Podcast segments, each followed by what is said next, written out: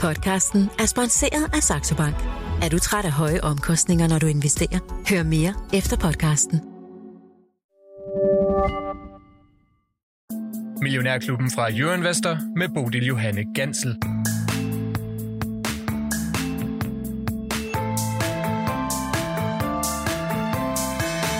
Ja, velkommen til 55 minutter i Millionærklubben, hvor vi i dag tager fat på et øh, emne, som ingen for alvor elsker at beskæftige sig med, men som gavner den, der gider at se på sagerne.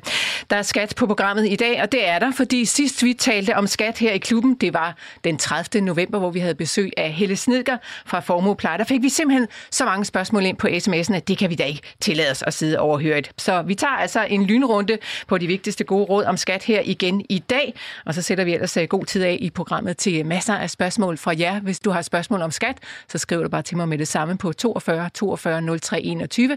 Husk at starte beskeden med Mio. Panelet består af teknisk analytiker i Aktierådet Lars Persson. Godmorgen og velkommen til. Godmorgen, Bodil. Af seniorrådgiver ved Bayerholm Finansiel Rådgivning Søren Verup. Velkommen til dig. Tak. Og af Jakob Munk Stander, stifter og Far, plejer du at skrive din mail til mig. Ja.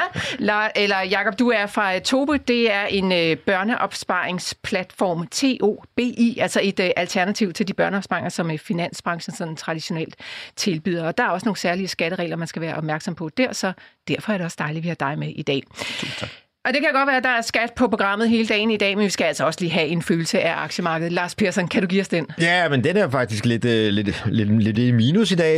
Uh, det danske marked er nede med 0,8, og det var jo egentlig måske oven på de der fedme-resultater for Eller Lilly, som uh, fik den aktie til at falde, og så falder Novo og uh, Silan Pharma også i sympati her til morgen. Der var jo ellers ikke noget altså, spektakulært i de nyheder, der kom ud fra Eller Lilly. Altså, det handler om, at man øh, tager på igen, hvis man stopper med at bruge deres øh, produkt. Det var, vidste vi ikke det? No shit, Sherlock. Nej, altså, nej, men undskyld mig, men, men, men jo, men, men sådan er det jo lidt. Altså, vi, vi, vi bevæger os på sådan her line, øh, og så kommer der den her brise, og så står øh, linedanseren lige pludselig og, og, og vibrerer lidt, og så siger alle øh, i øh, cirkuset, oh, ikke? Altså, fordi, Ej, det er skønt, vi, ja, men, det fordi, jamen, vi, vi, vi er jo så tæt på det optimale, sådan, hvad kan man sige, der skal jo ikke gå meget galt, før at, øh, at øh, sovsen er for salt eller et eller andet. Altså, så, så vi, vi, vi er bare der, hvor intet må være forkert, og selvfølgelig er det da meget ærgerligt, at man så tager på bagefter, når man stopper, men det er jo, sådan er det jo med mange midler, hvis man stopper med dem, så, ja, så får man det dårligt Sådan bagefter. er det også med Wegovy. Yes. Nå.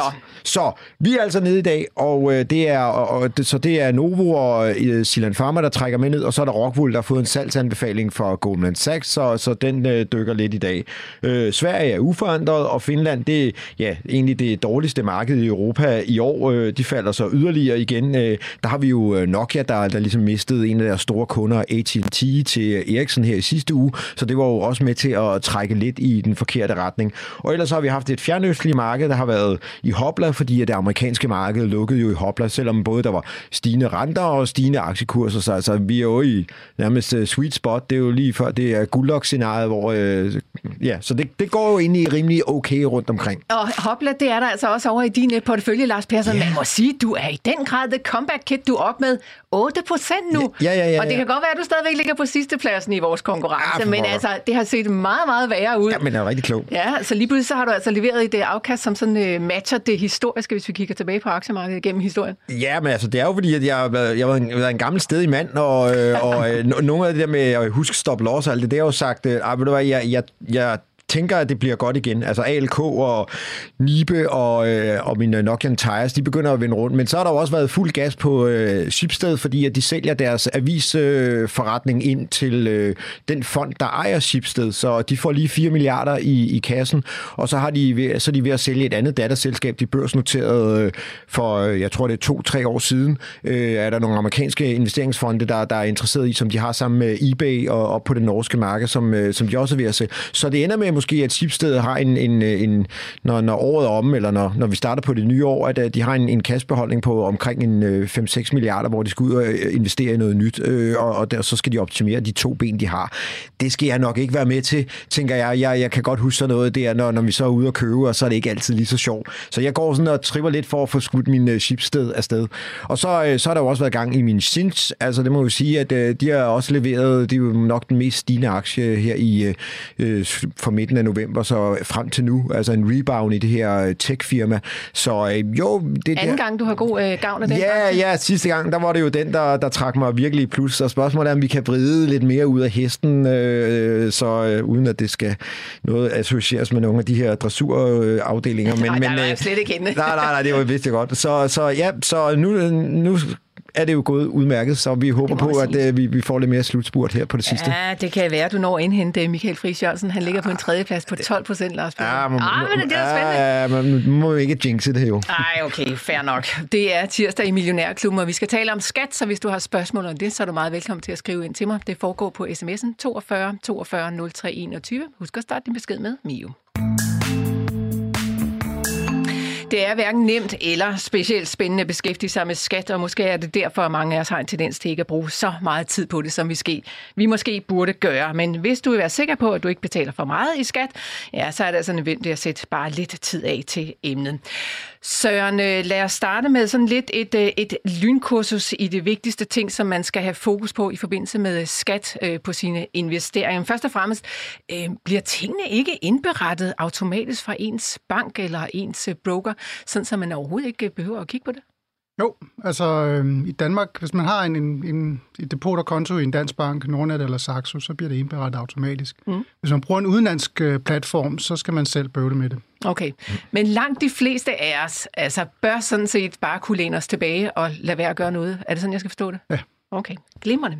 Så lad os lige sådan trække de vigtigste regler op i forhold til øh, skat på, på investeringer. Og der er virkelig mange regler, og jeg kan kun anbefale, at I også går ind og hører det program, som vi sendte, altså med Helle Snedker fra Formuepleje, for der bliver også mange af reglerne trukket op og forklaret ganske udmærket. Ja. Hvad skal vi vide som øh, investorer? Jamen så helt overordnet, så skal man jo først finde ud af, hvilket skattemiljø man er i, og det lyder måske mere abstrakt, end det er, men det betyder, er det frie midler, altså penge, som der er betalt skat af?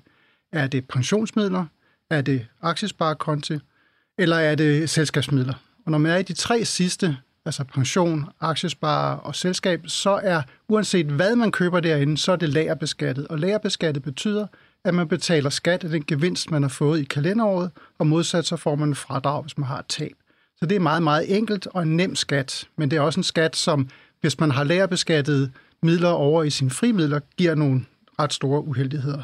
I frimidler er det betydeligt mere kompliceret, fordi der skal man kigge på det enkelte værdipapir. Er det så et realisationsbeskattet værdipapir, som betyder, at man først skal betale skat af den gevinst, man realiserer på et eller andet tidspunkt, eller eventuelt tab, eller er det et lagerbeskattet øh, instrument, man køber, som for eksempel kan være en akkumulerende dansk investeringsforening eller en ETF. Alle ETF'er, altså alle udenlandske investeringsfonde, er lagerbeskattet. Også selvom de giver udbytte.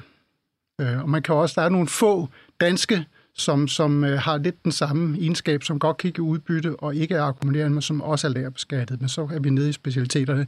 Men pointen er, at udenlandske investeringsfonde alle sammen er lagerbeskattet. Men så er der forskel på, om det her afkast bliver beskattet som aktieindkomst eller som kapitalindkomst. Og hvis det skal beskattes som aktieindkomst, så skal det være på skats positivliste. Og den kan man så slå op, man kan søge på Google, og så kan man finde listen, og så kan man på sådan en lang Excel-fil, kan man kan man søge ned og finde sin fond. nemt. Ja. øh, og hvis den står der, jamen så, så bliver man så beskattet som, som aktieindkomst af sin ETF. Ulempen ved at investere i frie midler i en lagerbeskattet fond er den, at hvis man et år har et meget stor gevinst, hvis man så har for eksempel for 100.000, og det stiger til, lad os sige, 300.000 i et kalenderår, så har man en gevinst på 200.000, som vi bliver beskattet af. Og så er der nogle progressionsgrænser, der betyder, at de første, hvis man er, hvis man er gift, de første 117.800, jamen der bliver man beskattet med 27 procent og resten med 42. Hvis man så året efter oplever, at ens investeringer falder, så får man så et tab, men den fradragsværdi går ikke nødvendigvis, hvis tabet ikke er så stort, så har man kun en fradragsværdi på 27. Så det, man risikerer ved lagerbeskattede midler for frie midler, det er, at man i rigtig gode år simpelthen bliver overbeskattet af sit udbytte, mm. eller af sin, sin, sin gevinst.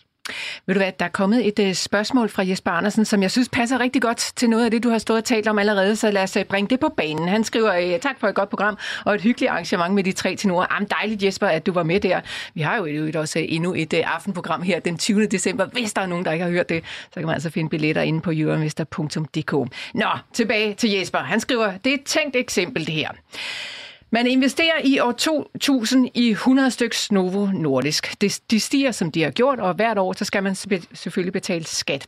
Har man ikke tab i andre aktier, og har man ikke kontanter til rådighed, så skal man sælge sine Novo for at betale skatten. Herved får man færre og færre aktier, og man mister sin compounder-effekt, som over mange år med de store stigninger er forholdsvis stor.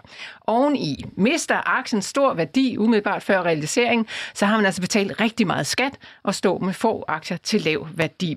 Så mit spørgsmål er, selv med den lavere skat, mister man så ikke for meget ved en aktiesparekonto kontra en almindelig aktiekonto. Nå Søren, det er jo altså ja, et langt og svært spørgsmål, men det handler jo ligesom om, om man kan blive fanget i det her med... Øh... Ja, altså, det er jo, når man har realisationsbeskattede aktiver inde på en lærerbeskattet ordning, og her en aktiesparekonto. Mm-hmm. Så kan man jo godt risikere det, at den stiger rigtig meget, og så skal man enten indbetale skatten, og det er det, som jeg til hver tid vil anbefale, at man gør, at man ikke sælger sine aktier for at betale skat, men man indbetaler den. Det må man godt på en aktiesparekonto. Men hvis man forestiller sig, det er et lukket system, så har spørgeren ret at så kan man komme til at sælge ud af Novo på højere og højere kurser, og så lige pludselig så kommer det ud, at Novo har et eller andet middel, der, der er uheldigt, og så falder Novo rigtig meget, og så har man betalt en masse skat, og på den måde, så har man ikke fået noget ud af det. Mm-hmm. Og løsningen på det, det er jo at ikke lægge alle sine æg i en kurv, og tage gevinster hjem, og sørge for at sprede, osv. Så, så, så, så, så det er jo sådan en grundregel. Så, altså balancere sin portefølje undervejs, ja, er det det, ja. du siger? Det vil sige, tage gevinster hjem. Altså hvis en aktie stiger sådan voldsomt, som for eksempel Novo har gjort den her sted over 100 procent på, på, på et par år, så er det jo så er det jo en overnormal gevinst, og det betyder, at, at man bør tage en gevinst hjem på det og betale noget skat. Og der skal man jo tænke på, at skat er jo faktisk positivt, for det betyder, at man har tjent penge. Ja, det, det er svært at tænke sådan. ja, men det, det betyder det jo, og, og derfor skal man jo ikke være så bange for at, at, at tage en gevinst og betale noget skat. Fordi argumentet for at sælge er ikke, det skal jo ikke være begrundet i noget skat, det skal være begrundet i en investeringsmæssig overvejelse, og en spredningsmæssig overvejelse, og en risikomæssig overvejelse. Så hvis man har rigtig mange Novo, så er det rigtig, så er det fornuftigt ud fra en investeringsmæssig betragtning at sælge ud af dem og tage noget gevinst og gå over i nogle andre aktier, som har en anden type risiko og en større spredning, måske nogle investeringsfonde eller nogle aktier, som har helt andre karakteristika. Fordi det, det gælder om, det er at bevare ens formue. Det gælder jo ikke om at spekulere sig øh, ind i et eller andet utopia, som sandsynligvis bliver reddet ned i sidste øjeblik, eller det sker i hvert fald ofte. Ikke? Okay. Tilbage til det generelle, Jakob. Jeg kunne også godt tænke mig at få dig på banen. Kan du lige sådan male billedet op i forhold til børneopsparinger? Hvad skal vi særligt være opmærksom på der, når det handler om skat? Det kan tro. Jamen, øh, man kan sige, lidt ligesom for de voksne findes der forskellige typer af konti. Og, og den, som man som herre for Danmark nok mest kender, det er den traditionelle børneopsparingskonto, hvor alt jo er skattefrit, og det er jo fantastisk. Til gengæld er, øh, kan man sige, er der nogle begrænsninger på, hvor mange penge man kan indbetale. Øh, maksimalt 6.000 kroner om året, og i alt maksimalt 72.000. Så hvis man har mest overskud som forældre øh, overhovedet, jamen, så opretter man jo en sådan konto, når ens barn er, er 0 år og indbetaler 6.000 i 12 år, og så har man jo faktisk mødt max. Øh, og det betyder jo så i virkeligheden, at igennem årene var der en bedsteforælder, der kunne tænke sig at give en, en, et afforskud eller en større pengegave. Så skal man have en konto nummer to, er man nået til år 12, øh, eller år 13 nærmere, så skal man have en konto nummer 2, og så begynder det at blive lidt småkompleks for en travl børnefamilie, og både at holde styr på, hvem har indbetalt, men i virkeligheden også at få styr på at få investeret midlerne, og sikre, at balanceringen den er, den er korrekt. Og det der småkomplekse, det mødte du faktisk selv, da du fik børn, og det var altså blandt andet derfor, at du øh, besluttede dig at stifte dit eget selskab, Tobi. Øhm, hvordan kan man komme øh, omkring det her, så man slipper med at have flere forskellige konti? Jamen, øh, Søren havde virkelig meget god. Han tegnede et fint lille træ, og, og vi var over i Skats positivliste, som jo er listen over alle de produkter, der bliver beskattet som øh, aktieindkomst. Og øh, det fantastiske for børn, det er jo faktisk, at de har det, der hedder personfradrag, som vi voksne også har. Og det endnu mere fantastiske, det er, at Folketinget her øh, fra, øh, fra Finansloven 23 har hævet personfradraget for børn, så det nu følger de voksnes en 25 procents øh, stigning. Og det betyder faktisk, at børnene, hvis ikke de bruger deres personfradrag, og der er bare de færreste 0-årige, der har et job, eller på anden vis øh, tjener penge. Øhm, så har de et, et rådighedsbeløb, som hedder personfradrag årligt, som jo egentlig bliver spildt, som man kunne bruge, hvis man investerede i produkter, som ikke står på skats positivliste, altså i øh, produkter, der bliver beskattet som kapitalindkomst. Fordi de bruger, at de kan bruge barnets øh, personfradrag. Og den, den tilføjede øh, øh værdi i det, det er jo faktisk, når vi nu taler om lagerbeskatning, det er, at fordi disse produkter bliver beskattet som øh, lagerbeskatning, og man kan bruge barnets personfradrag, så bliver skatten jo faktisk betalt hvert eneste år af personfradraget. Så på den måde er det allerede nu, at vi ude i en, i en kompleks forklaring, som en travlt børnefamilie øh, sjældent får styr på. Men det er i virkeligheden muligheden for at sige, hvis vi så glemmer den traditionelle børnesparingskonto, så har vi barnet et personfradrag på 48.000 kroner i år, som de må tjene.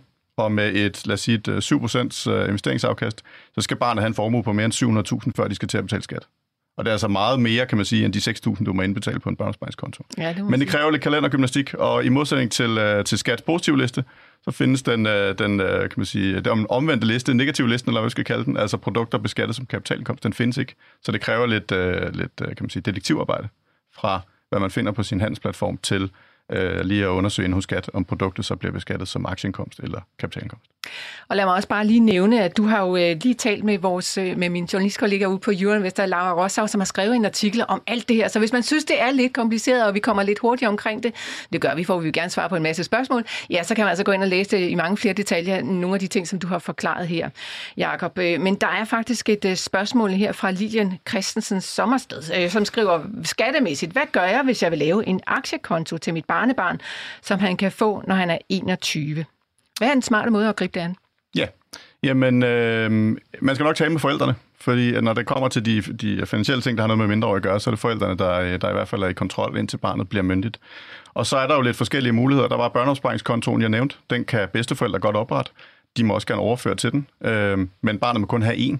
Øh, så hvis, øh, hvis bedsteforældrene har taget den, jamen, så, så er der ikke andre, der kan oprette en sådan.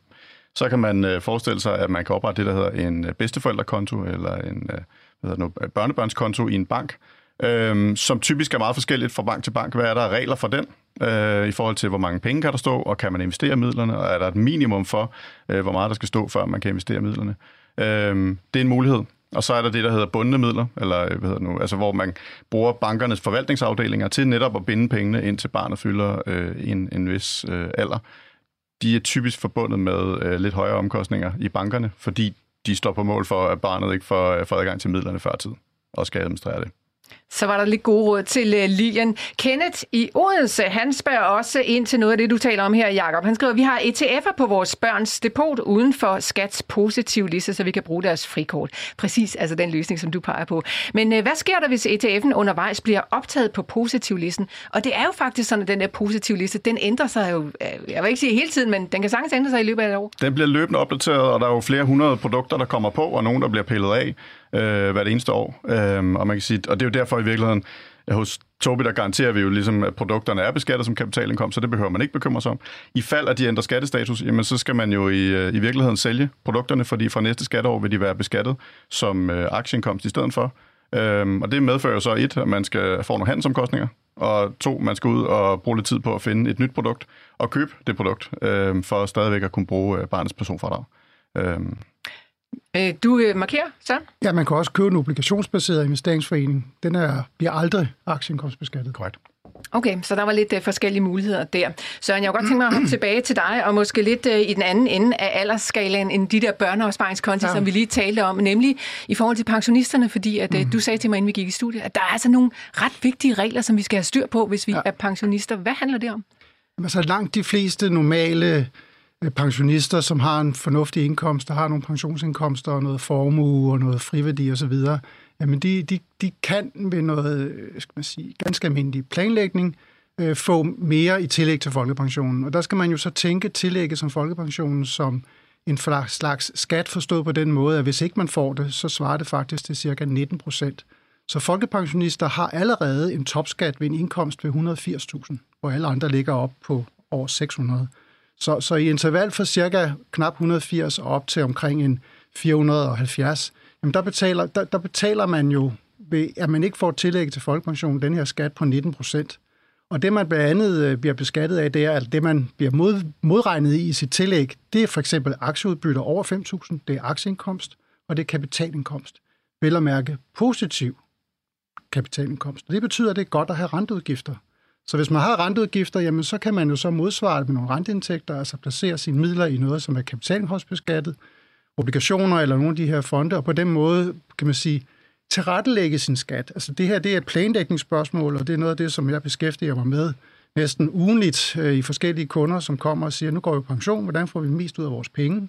Og nogle af de planer, jeg har lavet, jamen øh, der kan man godt tilrettelægge indkomster, også for folk, som har store pensioner, også for folk, der har friværdi, også for folk, der har værdipapirer, altså man kan købe værdipapirer, som, som ikke giver modregning i tillægget, hvis man kører de rigtige, og man har den rigtige analyse og den rigtige risiko til det.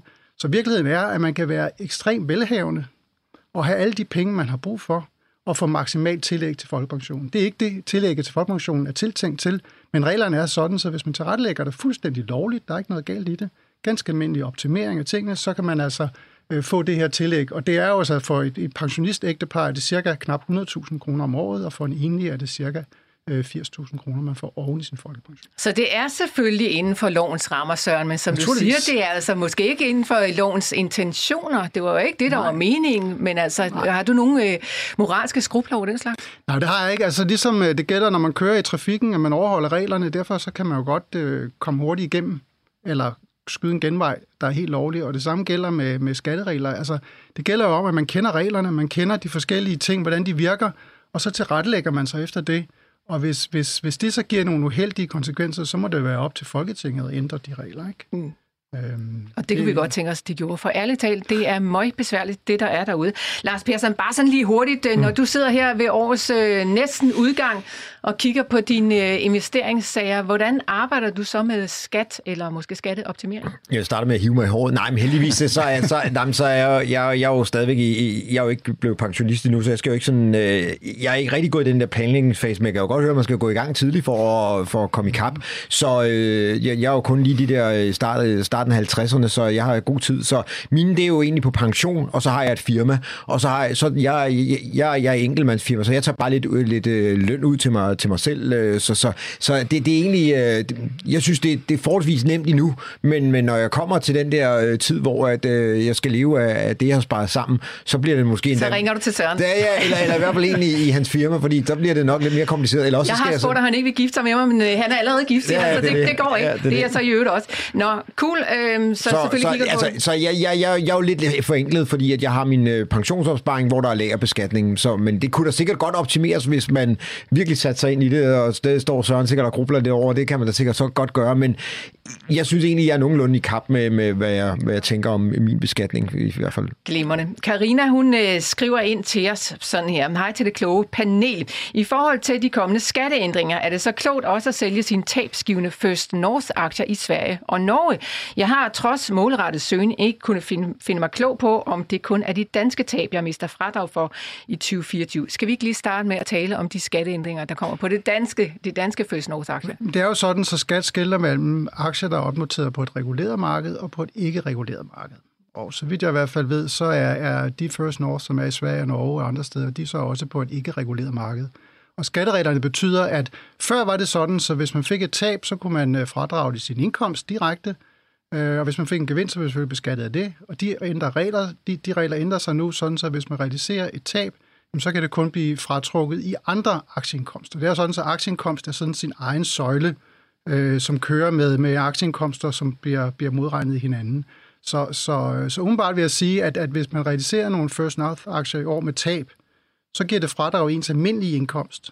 Men hvis man venter til efter årsskiftet, så skal man altså have nogle positive aktiegevinster, altså udbytter eller realiserede gevinster, for at man kan, kan fradrage det her tab. Mm-hmm. Og så er der lige en krølle omkring aktieindkomst, som er lidt vigtigt. Hvis man har eget selskab, og man udbetaler udbytte for det, så er det en særlig type aktieindkomst, sådan så man ikke kan fradrage tab på porteføljeaktier, altså almindelige aktier, i øh, aktier fra eget selskab. Så det, det er vigtigt lige at skælde de to ting. Så aktieindkomst er faktisk to forskellige ting, og ikke kun én. Oh, thank God. Nå, øh, men altså, som Karina hun skriver, så har hun altså lidt svært ved at finde informationer om den her slags, og nu var det så måske ja. særligt om de svenske og de norske ja. First North-aktier, men hvor finder man alle de her informationer hen så? Jamen, det står jo i definitionen om, at det er aktier opnoteret noteret på et ikke reguleret marked. Så det gælder altså også udenlandske aktier. Ikke? Okay. Udenlandske aktier optaget på en børs, som ikke er reguleret, vil være af samme type som danske North øh, okay. First aktier, sådan som jeg læser reglerne i hvert fald. Glimmerne. Vi ved ikke, hvor meget af din virksomhedstid, der går til indkøb til møder og frokost. Men vi ved, at det er tid, du ikke får igen. Hvis du lader nemlig erhverv stå for indkøbene, så får du mere tid til det, der betyder noget. Det kan vi vist alle bruge. Nemlig også til erhverv.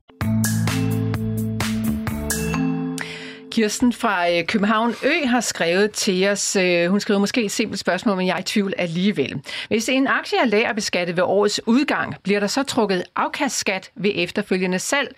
Spørgsmålstegn. Og så skriver hun fortsat, bliver der igen lærerbeskattet af hele afkastet ved næste års udgang? Søren, øh, først øh, spørgsmål om der bliver trukket afkastskat ved efterfølgende salg.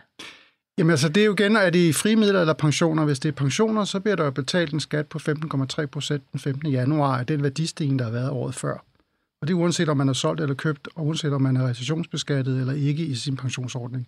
I frimidler, der vil det være sådan, så hvis man sælger, jamen så har man en gevinst eller tab, det bliver man så beskattet af. Og hvis man så holder det et helt kalenderår, og der er en gevinst der, jamen så bliver man beskattet af den som enten aktieindkomst eller kapitalindkomst, afhængig af, om det er på positivlisten eller ej. Okay, så det var jo lige ud af landevejen, selvom det stadig er besværligt. Godt, vi hopper videre til endnu et øh, spørgsmål her. Der er en lytter, der skriver sådan her. Øhm, giver det god mening i forhold til skat at have udbytteaktier på sin aktiesparekonto generelt, men også i forhold til, hvis aktien for eksempel har den store kursgevinst? God jul og godt nytår til jer. Tak, i lige måde. Øh, og det er jo lige meget, når man er på en aktiesparekonto, så bliver alt afkast beskattet øh, ved årets slutning, så, så hvis man hele aktien udløjes i udbytte, så bliver man beskattet den gevinst. Og med hensyn til udbytteaktier, så har jeg lige en pointe, som jeg synes er værd lige at tænke lidt over, det er, at der er jo rigtig mange, der jagter udbytteaktier, fordi de sådan gerne vil have det der udbytte ud. Det kan også være investeringsmæssigt fornuftigt, men skattemæssigt er det ufornuftigt. Så er det bedre, at selskabet køber sine egne aktier tilbage, og man, at aktien så stiger som følge af det, og man så selv vælger, hvornår man vil udløse sin gevinst og betale sin skat.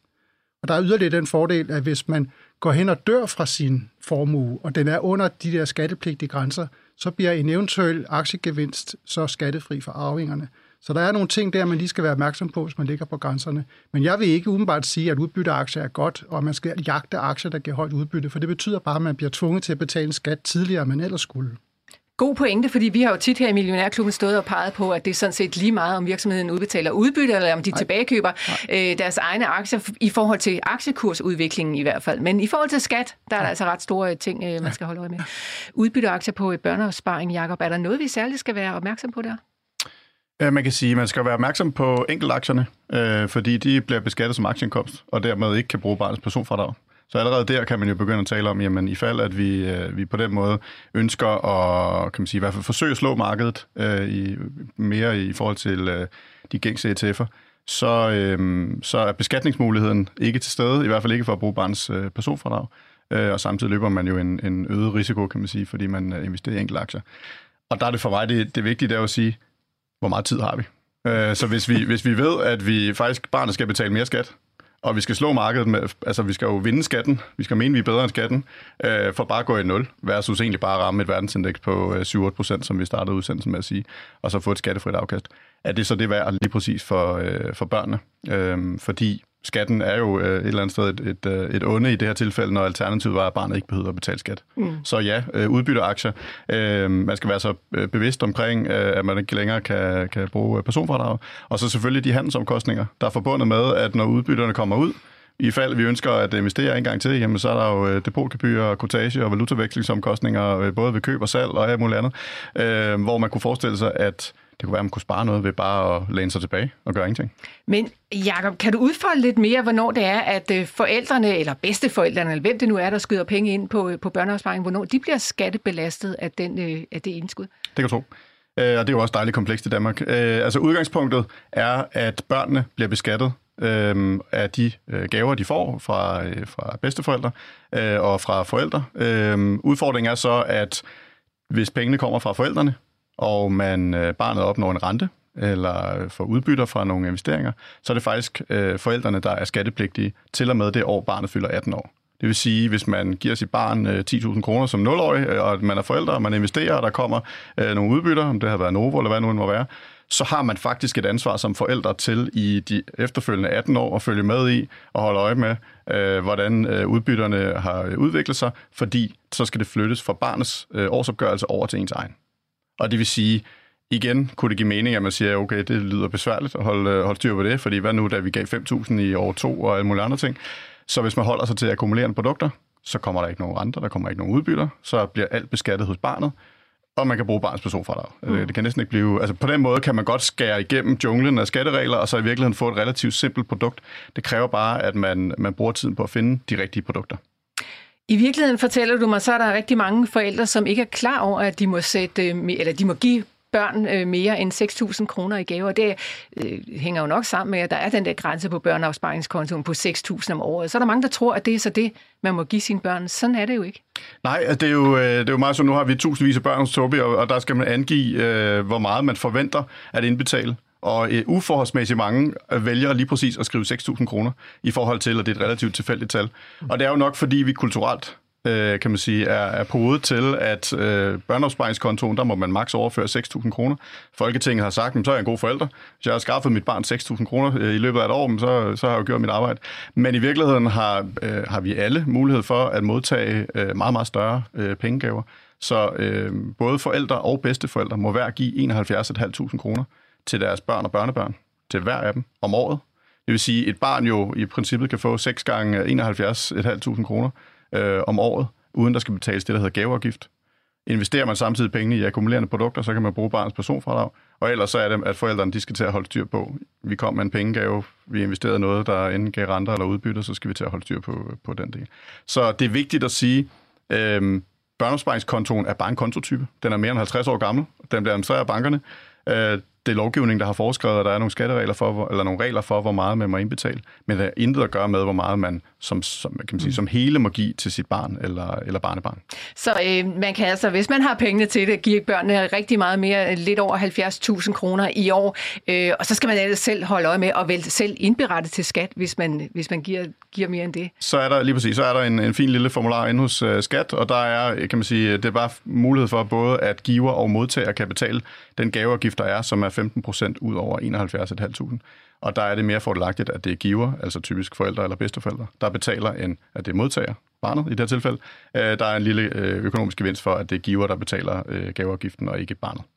Jeg ved, hvor tit det sker. Nej, men altså, det er ikke, fordi jeg skal til at stå og sige, at folk snyder i skat, men, men jeg ved bare ikke, om det sker tit. Jamen, nu skrev jeg jo den her, den lille guide til børns opsparing for nogle år siden, øh, og, og var i, i telefonkø hos skat øh, med mange mærkelige spørgsmål, som de tydeligvis aldrig har fået før. Og, øh, og, og det er jo også selv endnu skat, er der jo også en vis, jeg vil ikke sige forvirring, men i hvert fald, man er ikke helt tid øh, i alle tilfælde alignet omkring, hvordan reglerne skal tolkes. Kan man som forældre give en pengegave til sine egne forældre, eller til bedsteforældrene, som så giver pengene videre til barnebarnet? Fordi så har forældrene jo ikke givet øh, en pengegave. Må man det? Må man ikke? Jeg har fået to forskellige svar. Wow, hmm. okay. Jamen, det er jo bestemt ikke, fordi vi skal stå her og opfordre til, at man ikke følger reglerne. Det skal man naturligvis gøre, så øh, ja, øh, sæt jer ind i, hvad de er derude. Øh, vi har fået et spørgsmål her, som handler om øh, ja, skatteoptimering, skriver lytteren. Der er så mange fortolkninger vedrørende salg af tabsgivende aktier og genkøb af samme. Man hører, at man blot skal være ude to dage, og nogen siger en uge. Andre igen, at der skal være en positiv nyhed i aktien for hurtigt genkøb osv. osv. Kan I skabe noget mere klarhed? Søren, vil du hjælpe os? Altså min praktiske erfaring, dels med hvad jeg selv har gjort privat, og jeg har gjort for kunder, er, at øh, to øh, bankdage imellem et salg og et køb er tilstrækkeligt til, at man kan argumentere for, at der er en risiko. Altså, Skat siger det jo ikke direkte. De siger, at man skal have været udsat for en risiko øh, for, at kursen har ændret sig. Og man kan jo være så heldig, at man kan genkøbe den billigere, men øh, som regel, når man gør sådan noget, så går det altid den anden vej, så man kommer til at købe den lidt dyrere. Og, og det er sådan set fair nok. Man skal jo være opmærksom på, at det, man jo reelt gør, det er, at man, man sparer jo ikke noget skat, men man udsætter det bare. Mm. Men det kan være en stor fordel, især i, for, i forhold til, hvis man ligger på progressionsgrænsen, altså hvor man ryger op over de 42, så man kommer under den. Og så er det en mulighed for, at man kan få de udbytter, man har udbetalt tidligere, at de så kan blive skattefri, så man får penge tilbage i skat. Så, så for mig er det som rådgiver noget, som jeg går igennem med mine kunder hvert år her i faktisk hele året, fordi øh, vi har jo, kan man sige, skattemæssigt uheldigvis haft en rigtig god november, og det betyder, at mange af de tab, som vi kunne have taget i oktober, og dermed fået en stor skattegevinst, de er jo så blevet mindre nu. Så derfor er det jo ikke sådan, at man bare skal kigge på det i december. Altså i virkeligheden skal man kigge på det løbende. Øh, og der er jo nogle aktier, som er faldet meget, Ørsted for eksempel, og det er jo mm. oplagt at gå ind og kigge, er der nogle af de her ting, man kan sælge, nu, og så købe efter mindst to dage. Og hvis man skal være helt sikker, så venter man bare nogle flere dage, eller også så gør man det lige før nytår og efter nytår. Så er der i hvert fald sådan en, en ret god afstand imellem, også i forhold til skat. Men altså to dage er det, som jeg praktisk har, har oplevet. Og det har du aldrig haft bøvl med? Og det, man skal være opmærksom på også, og det er, er nogen, der ikke, der, det, det er der ikke nogen, der er opmærksom på, det er, at hvis man har obligationsfonde, som man har købt for eksempel før 2022, så er de jo faldet betragteligt i kurs i 2022, fordi renten steg så meget. Mm der kan det godt være en fordel, afhængig af, hvad man ellers har af renteindkomst, også at skattesælge dem. Fordi hvis man har for eksempel store renteindtægter, så kan man komme til at blive beskattet med 42 procent, og så kan man skattesælge nogle af de her obligationsfonde, og på den måde få en, et fradrag i sin, sin kapitalindkomst. Så det er ikke bare aktier, man skal kigge på, man skal også kigge på sin obligationsfonde, men der er skatten lidt mere kompleks, fordi der ligger faktisk i tre niveauer fra ca. 25, 36 og 42, afhængig af indkomstgrænser, afhængig af, om man er gift eller ej. Så politikerne har gjort sig umage for at lave reglerne kompliceret. Sådan. Ingen kan finde ud af det. Du kan heldigvis, Søren, og øh, også Jakob i forhold til børneopsparing. Det er dejligt, I er med os i studiet her i dag. Thomas fra Valby, han skriver til os øh, et hurtigt spørgsmål til skatteeksperterne. Når man er i et lærerbeskatningsmiljø, kan man så sige, at det ikke gør nogen forskel at sælge ud af sine tabere og beholde sine vinder, når det er den årlige sum, som beskattes? Jeg har førhen i mit frie depot solgt en taber, når jeg har solgt en vinder for at udligne skatten. Det giver vel egentlig ikke nogen mening med lærerbeskatning? Fuldstændig rigtigt. Okay, godt. Så fik vi øh, det på plads. Thomas, lad være med det. Det er der ikke nogen grund til.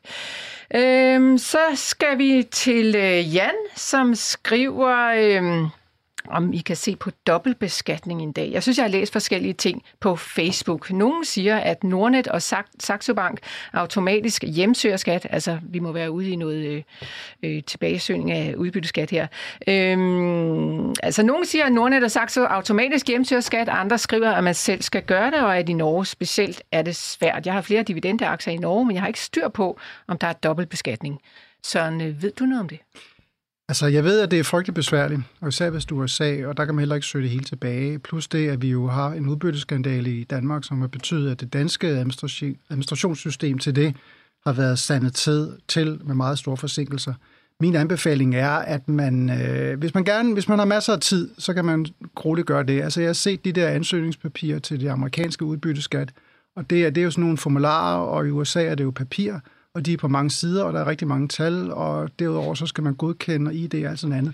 Min anbefaling er, hvis man vil investere i udenlandske aktier, så accepterer, at der er en eller anden dobbeltbeskatning, ellers køb det gennem en investeringsfond, typisk en dansk investeringsforening, de sidder og søger tilbage. Det gør de ikke nødvendigvis i ETF'er. Der bliver der ikke normalt søgt øh, udbytteskat tilbage. Man kan så også bede sin bank om at gøre det, og det koster selvfølgelig noget. Øh, de har så et professionelt setup og kender selvfølgelig det. Så, så bankerne er ikke sådan automatisk ude og sige, hey, du kan tilbage søge udbytteskat her, hvis du har lyst? Nej, hvis, de har, hvis man har enkelte aktier liggende i sit depot i sin bank, så skal man jo bede banken om at tilbagesøge det, ellers så bliver man dobbeltbeskattet af det. Mm, okay. Så, altså, min anbefaling er til langt de fleste kunder, medmindre det er meget store beløb, eller det er nogle helt særlige investeringer, hvis det er nogle unoterede investeringer, drop det og køb gennem en investeringsforening. Altså brug det jeres tid på noget andet. Heller et glas rødvin på terrassen, end at sidde og nørde med de der papirer i weekender og efter weekender. Intet er mere spændende end at drikke rødvin på. Okay, godt. Men det kan altså være besværligt, og man kan ende med at så komme af med ret mange penge i skat, hvis man både skal betale i Danmark og i det land, hvor at, uh, aktien hører hjemme. Ja, men så kan man jo købe en dansk investeringsforening, hvis man gerne vil ud. Ja. Right? Og så bliver der jo søgt tilbage. Okay.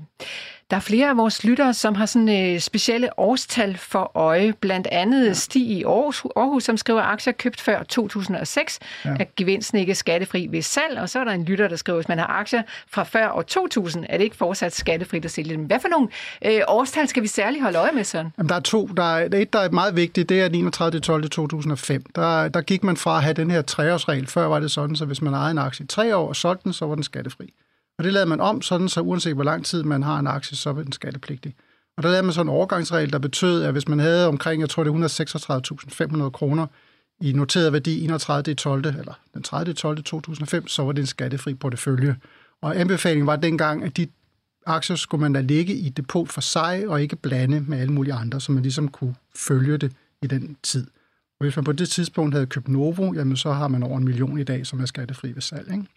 Og så er der en anden dato, der er vigtig, det er hvad hedder det, 19. maj 93, øh, i forhold til, hvis man skal finde ud af, øh, om man har en gevinst eller ej. Fordi hvis man har købt aktier før 19. maj 1993, så kan man bruge 19. maj 93-kursen som udgangspunkt for at finde ud af, om man skal betale skat af en gevinst. Og det kan man så, man kan søge på datoen, og så kan man finde det. Danske Bank for eksempel, den ligger i 33, så vidt jeg husker, på den liste, ikke? så der er en god gevinst. Okay, mm-hmm. så der er lige nogle datoer, man skal holde øje med. Ja. Godt, øh, så er der Paul, som er, har lidt sådan et tillægsspørgsmål til det her med, hvor mange dage der skal gå, før man kan købe en aktie tilbage, hvis man er ude sådan i skatteoptimering. Han skriver, det der med, at der skal gå to dage, før det ikke er skattespekulation. Hvad gør man så, hvis man er daytrader? Man handler de samme papirer frem og tilbage mange gange i løbet af en, øh, en dag. Så hvordan øh, skal daytrader forholde sig til alt det her skat? Jamen, de har jo det problem, at hvis de skal... Altså, de, de, de, de har sandsynligvis det problem, at de, øh, de har et system, hvor de holder øje med deres gevinster, men hvis de køber og sælger den samme aktie samme dag, så, så kan de ikke bruge de her regler. Mm. Har du nogle kunder, der, der er det? Nej. Nej, okay. Nej. Og hvis man endelig skal daytrade, så er det faktisk bedst, hvis man gør det inde i en pensionsordning, eller inde på sin aktiesparekonto, eller i et selskab, og ikke frimidler. Mm. Det er vel det er vel også et erhverv, altså lige pludselig. Altså kan man sige, hvis, det kan godt være, at han så selvfølgelig sidder som øh, kontormand og, laver reklamer ved siden af eller et eller andet, men, men i virkeligheden så ender det jo mere også at have et, et ekstra erhverv, øh, hvis du sidder og daytrader på den der måde. Så det bliver du vel beskattet af på der. Ja. Øh. Og så er du lærer beskattet. Ja. Okay, godt. Så fik vi lige det på plads. Ivar fra Næstved, han spørger, hvordan forholder, man sig til skat for en gammel selvpension? Ja, øh, det, det er et gammelt produkt. Ja, det er et dejligt så... godt produkt. Det husker jeg tydeligt fra jeg min banktid. Jeg kan slet ikke huske det. Mm. Man kunne, det er maks 40.000, man må have sat ind på en, øh, en selvpensionering, og det er maks 3.000 kroner om året.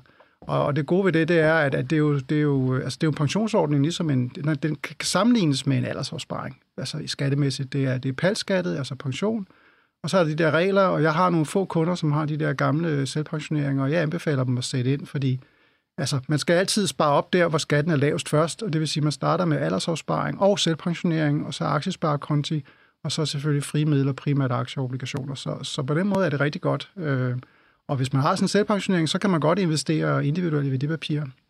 Øh, ofte står der ikke ret meget på dem. Og efter at ordningen forsvandt der tilbage i 90'erne, så var det sådan, at man så ekstraordinært kunne få lov til at hæve sin selvpensionering. Så det, det er kun dem, der har været uopmærksomme eller har synes det var en god ting, der holder fast i dem der.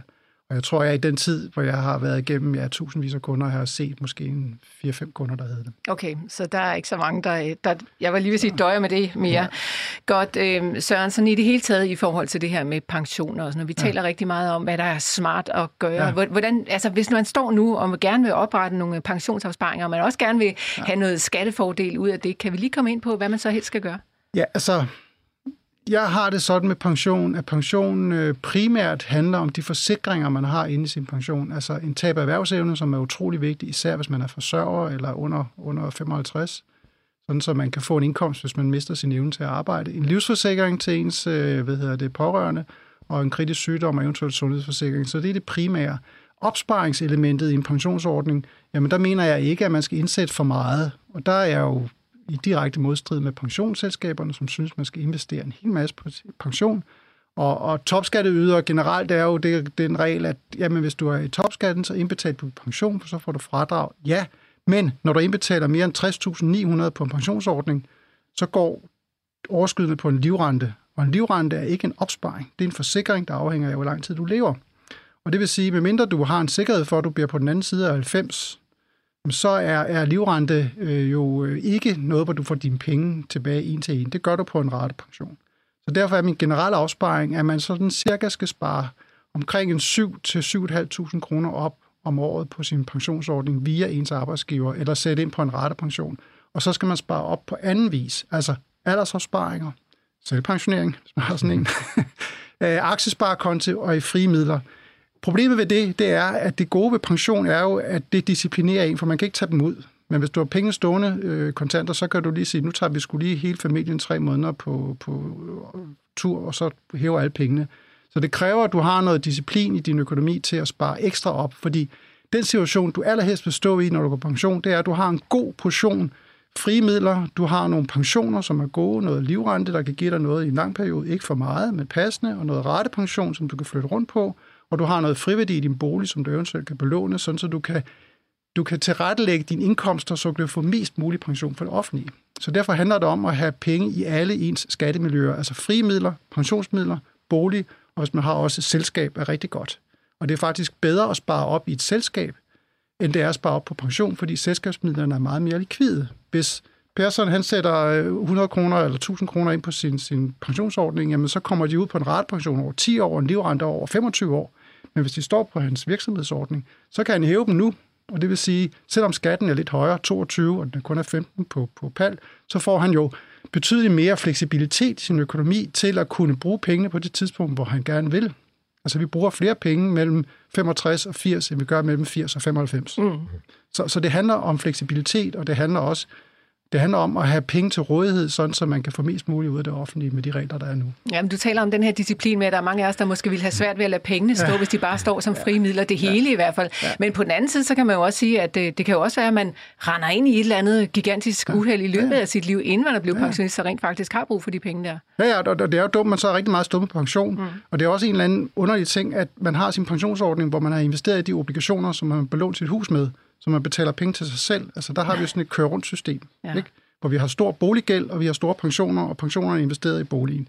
Altså, så, så, så man skal passe på sin, øh, sin øh, hvad hedder det, sin, øh, sin, sin likviditet. Og det, der er vigtigt, altså det, man kan gøre for ligesom at lægge nogle håndjern på, det er at sørge for, at den opsparing, man har, den har man ikke i sin bank, men for eksempel i en højrentebank, det kan være Santander eller Norwegian eller nogle af de andre, eller i Saxo, eller i Nordnet, som det er billigst, sådan så det ligesom er væk fra ens daglige økonomi. Og så kan man jo så sige, at jeg flytter hver måned 5.000 kroner til Nordnet, og så investerer jeg en gang med dem der, øh, og på den måde får man, og, og, og så er det lidt sværere at sælge nogle gode aktier, velvidende, at man måske skal betale noget gevinst for en eller anden ferie, så man måske hellere udsætte det.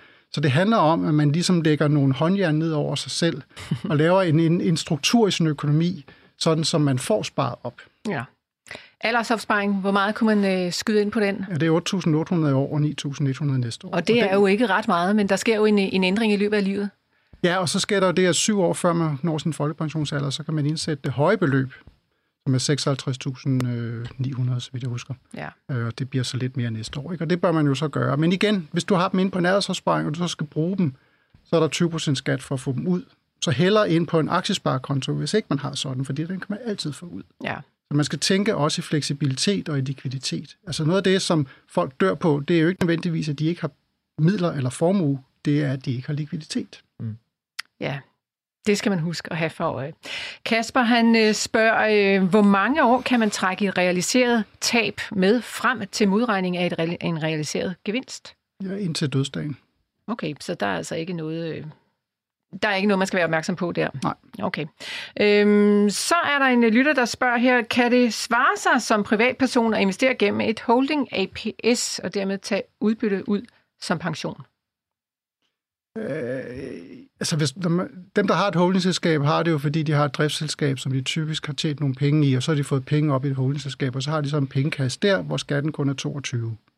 Og der er to måder, man kan få penge ud af et holdingselskab på. Det ene er som udbytte, som kører i sin egen aktieindkomst, øh, og det er fint, der kan man tage alt det udbytte, man vil. Øh, og så kan man tage løn ud, og der er det sådan, så hvis man tager for meget løn ud, så vil skat mene, at det er maskeret udbytte. Det hænger lidt sammen med, hvordan skattereglerne er. Men det normale er, at hvis man har et holding med sådan omkring en 5, 10, 15 millioner kroner, jamen så vil man kunne tage en løn ud for at passe den her formue på et sted mellem 50 og 100.000. Men der er ikke rigtig nogen, altså jeg arbejder jo i et revisionsfirma Bayerholm, og når jeg taler med de forskellige øh, revisorer der, så nogen tager lidt mere, nogen lidt mindre, der er ikke nogen regler osv., og det er sådan lidt med, hvad man har gjort tidligere og sådan noget. Men 50-100.000 er, er der konsensum om, at det kan man godt trække som en lønseddel i sit holdingselskab. Hvis man har et driftsselskab, hvor der er nogle aktiviteter, også selvom de er relativt små, så er det noget andet. Der kan man godt faktisk tage mere løn ud. Så man skal passe på med at likvidere sit driftsselskab, hvis man stadigvæk har lidt aktivitet. For eksempel nogle royalties, eller man går og har nogle patenter, eller sådan et eller andet sådan små ting. Okay, så ikke nok med, at øh, reglerne er svære at forstå, men der er altså også nogle regler, der er sådan lidt gråzoneagtigt, ja. sådan øh, lidt vurderingsagtigt, så ja. der, øh, altså, det er jo næsten umuligt at finde ud af selv. Ja. Nå, okay, jamen tak Søren for, den, for det svar. Vi hopper hurtigt videre til et spørgsmål, der lyder sådan her. Hvis man har flere forskellige pensionstyper, altså for eksempel livrente, rettepension, aldersopsparing, bliver gevinst tab så skattemæssigt beregnet inden for hver enkelt kontotype, eller kan et realiseret tab på den ene konto bruges til at nedsætte en tilsvarende gevinst på en anden konto? Altså hvis du har dine ratepensioner i samme institut, i en bank, for eksempel to-tre stykker, så vil palskatten blive beregnet på tværs af dem. Okay. Men hvis du har dem i forskellige banker, så ikke. Godt. Men, men, men, men hvis du har dem så, hvis du så, altså livrente har du ikke en bank, men hvis du har en aldersopsparing og retpension i en bank, så er der ikke noget sammenregning der. Så det er inden for samme, samme opsparingstype, sådan som, som jeg lige husker reglerne. Glimmerne. Og så er der Anders, øh, som øh, har fulgt Lars Persson. Han har aktier i øh, DNO, det norske selskab. Aktierne de ligger på hans aktiesparekonto. Der er blevet betalt, udbetalt et øh, pænt udbytte. Og han spørger så, hvordan der undgås dobbeltbeskatning her. Ja, vi har været en lille bit smule ind på det, men altså lad os lige tage den omkring øh, en gang til. Han skriver, ved udbetaling blev automatisk trukket 25 procent til den norske stat, og nu her ved årsskiftet, så bliver der jo altså beskattet med yderligere 17 procent af gevinsten. Lars Persson, øh, øh, har du nogen idé om, hvordan man skal forholde sig til det? Nej, altså, jeg, ja, der, så skal man jo begynde at søge, som, som Søren øh, nævner, og, og så, så spørgsmålet, skal, skal vi det? Altså, jeg er jo så heldig, at øh, jeg har det jo øh, i, hos øh, Berlingerne, men, men jeg, jeg, jeg antager ikke, at de nede i finansafdelingen begynder at, at sidde og rode med nogle øh, papirer. Så nej, det... Øh, Øh, sådan er livet. Altså, så er der nogen, der... Ja, men jo, men altså, det, det, det, det er også, som så Søren siger, altså, hvis man skal bruge sin øh, sparsomme tid, og som vi også hører over for Tobi, altså med, med børnefamilierne, så, så, så, så bliver vi jo nødt til lige at sige, okay, det, hvad, hvad drejer det sig om? Er det 150-200 kroner? Hvis det i hvert fald er i det lav, tror jeg, at vi, vi snakker om, jamen, så er der måske nok sjovere at sætte sig og se en... Øh, et eller andet med sine børn, eller gå ud og, og lege lidt det med der dem med rødvinen. Ja, det er det. Eller, eller rødvinen på mit vedkommende. Ikke? Så ja, så sådan er det. Okay. Tak, Lars. Søren, har du noget at tilføje? Eller har vi været omkring det? Ja, men det er jeg helt enig i. Godt. Øh, så er der en lytter, der spørger, sagde Søren virkelig, at man skal betale 20 procent ved udbetaling af en aldersopsparing? Ja, før tid. Okay. Altså Nå ja, utid. ja, ja. Utid. Okay. Ellers er den jo skattefri udbetaling, og Det er der er det. jo ikke noget fradrag ved betaling. Og det er vel derfor, det, at man skal altså, sørge for at Ja. betale så meget ind som muligt, når man når de der øh, syv år før. Ja, ja, altså, og, og hvis man så skal bruge dem før den kan udbetales, så er jo en dato på det, afhængig af, hvornår den er oprettet. Ikke? Hvis den er oprettet før 2008, så er det jo 60, og hvis det er før 2018, så er det, så er det typisk øh, 62-63, og ellers er det tre år før folkepensionsalderen. Glimrende. Men for eksempel, hvis man laver en aldersopsparing til et barn, og så står der måske 200.000, og så vil barnet gerne købe en lejlighed, så kan man jo godt få udbetalt sin aldersopsparing, betale de 20% i skat. Altså, så kan det, skatten kan jo godt give mening at betale, hvis alternativet er, noget andet, som er bedre Ja. end det, ikke? Så det er jo, det, det, er jo- det er jo en vurdering. Ja, så man kan sådan, øh, jeg vil lige vil sige, relativt let få fat i sine penge, hvis man lige pludselig står og skal købe et eller andet stort. Ja. Nå, mit hoved er ved at eksplodere af alle de regler og øh, satser, som vi har fået i dag, så jeg tænker, at vi sådan øh, slutter stille og roligt af her med at høre jer to skatteeksperter, var jeg lige ved at sige, i studiet, om, om der er noget, I sådan mangler at fortælle, som det er vigtigt, at folk får med herfra, inden at vi nærmer os årsskiftet. Søren? Jamen altså, netop når vi nærmer os årsskiftet, så er det vigtigt lige at få fundet ud af, om man har indbetalt det, man kan på sin, sin aldersopsparing, og så også på sin, sin øh, hvad hedder det, pensionsordning, øh, altså at man fylder sin rettepension op på de der 60.900. Øh, og så skal man lige være opmærksom på, at øh, grænsen for aktiesparekontoen stiger til 110.300 her først i første. Og det betyder jo, at, at hvis man for eksempel værdien af ens aktiesparekonto er 100.000 her 30. 12 så kan man faktisk i januar sætte ekstra 10.000 ind på den, og det bør man så gøre. Og så synes jeg lige, at man så skal vente til, til den 15. januar, hvor der bliver trukket skat, hvis man har udsigt til det, og så få investeret resten. Så, så de tre ting, vær opmærksom på aldersopsparingen, ratepensionen, og så den forhøjede grænse for aktiesparekontoen her ved årsskiftet. Jakob, i forbindelse med børneopsparing, er der noget særligt, vi skal huske på her, inden øh, året render ud? Jeg tror, at øh, nu er julen er jo også øh, familiens kan man sige, fest, og det at tale sammen i familien om det her, øh, fordi som forældre kan man godt ende med at føle, at man lidt går tiggergang på vegne af sine børn, hvis man spørger bedsteforældre, og bedsteforældre på den anden side, de vil jo bare børnebørnene det bedste. Så hvis man kan få nedbrudt lidt den her barriere omkring at fortælle om, jamen, hvad vil vi egentlig gerne på vegne af vores børns, skråstrej børnebørns øh, langsigtede øh, opsparing? Er det til, når der ikke er SU længere om øh, mange år, eller til boligen, eller hvad det nu må være? Og så sige igen, der er ikke nogen begrænsninger på, hvor meget du må overføre. Så hos, hos Tobi ser vi jo øh, overførsler på øh, mere end 100.000 kroner øh, øh, som indbetalinger til os, hvor det så er mor og far, der har øh, overført, eller hvad det må være. Det skal man bare huske. Øh, og det må man så gøre i år, og så den øh, 1. januar må man jo så gøre det igen, øh, i fald man har de midler. Men det vigtigste, tal sammen. Ja, i fald man har de midler. Det er jo selvfølgelig bestemt ikke alle mennesker, der har lige har råd til at smide bare 6.000 ind på en børneopsparing hvert år, eller op til 100.000, som du, eller mere end det. Men Jacob, øh, mit indtryk er, at der rent faktisk er faktisk mange mennesker derude, der har mange penge. Mm. Der er, der er nok flere, end man tror. Ja. Jeg tror men det tror jeg, Søren han, øh, han ved bedre. Ja, han ligger også. Ja, helt sikkert. Helt Okay. sikkert. Folk har mange penge derude. Ja. Godt, Lars Persson, lad os bruge det sidste minut til at hoppe tilbage til noget, som du og jeg, vi øh, holder meget mere af en skat, ja. nemlig aktiemarkedet. Fortæl, hvad der sker derude. Jamen altså, det danske marked er ikke rigtig kommet i kap, vel? Vi ligger nede med omkring 1%, og det svenske marked var lige lidt i plus, og nu er det til rullet tilbage i minus, og det er det norske, eller det finske også, og så har vi et lille plus på det norske, og så Tyskland ligger rundt nullet, så er der lidt plus i øh, Frankrig og lidt i, øh, i England. Så og det hvad er sådan, sker der med Genmap? Jamen, Den øh, falder der øh, temmelig voldsomt. Jamen, øh, jeg har ikke lige øh, luret, hvad der sker med Genmap, men jeg kan da lige gå ind og... Nå, det, det ser ikke lige sådan ud på min skærm, Bolil, men jeg kan da lige prøve... Hvad, hvad, har, du, hvad har du den til? Jeg har den til øh, nede, 5%. med, nede med næsten 6 Ja, næsten 6. Ja. Jeg har ikke lige set Måske er det en øh, nedjustering fra et eller andet øh, sjovt finanshus. Jamen, vi der- tjekker det ud, og Så, ja. hvis der er noget spændende, så skriver vi selvfølgelig ud på euroinvestor.dk. Øh, tak fordi I lyttede med i dag i den her øh, måske lidt svære udsendelse, men jeg håber, I fik øh, noget med. Tak til Søren Veop og til Jakob Munk Stander, og også selvfølgelig til Lars Persson. Vi er tilbage igen i morgen.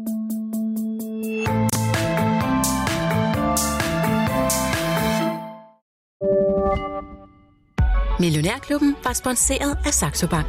Gør det godt i din virksomhed? Hos Saxo Bank kan du få dine overskydende midler til at vokse med en investeringskonto, hvor du også kan få op til 3,05% i positiv rente uden binding. Det er nemt og gratis at oprette en konto. Der er ingen konto og depotgebyr, og der er ingen binding, så du kan altid investere eller trække dine penge ud. Kom i gang allerede i dag på saxobank.dk.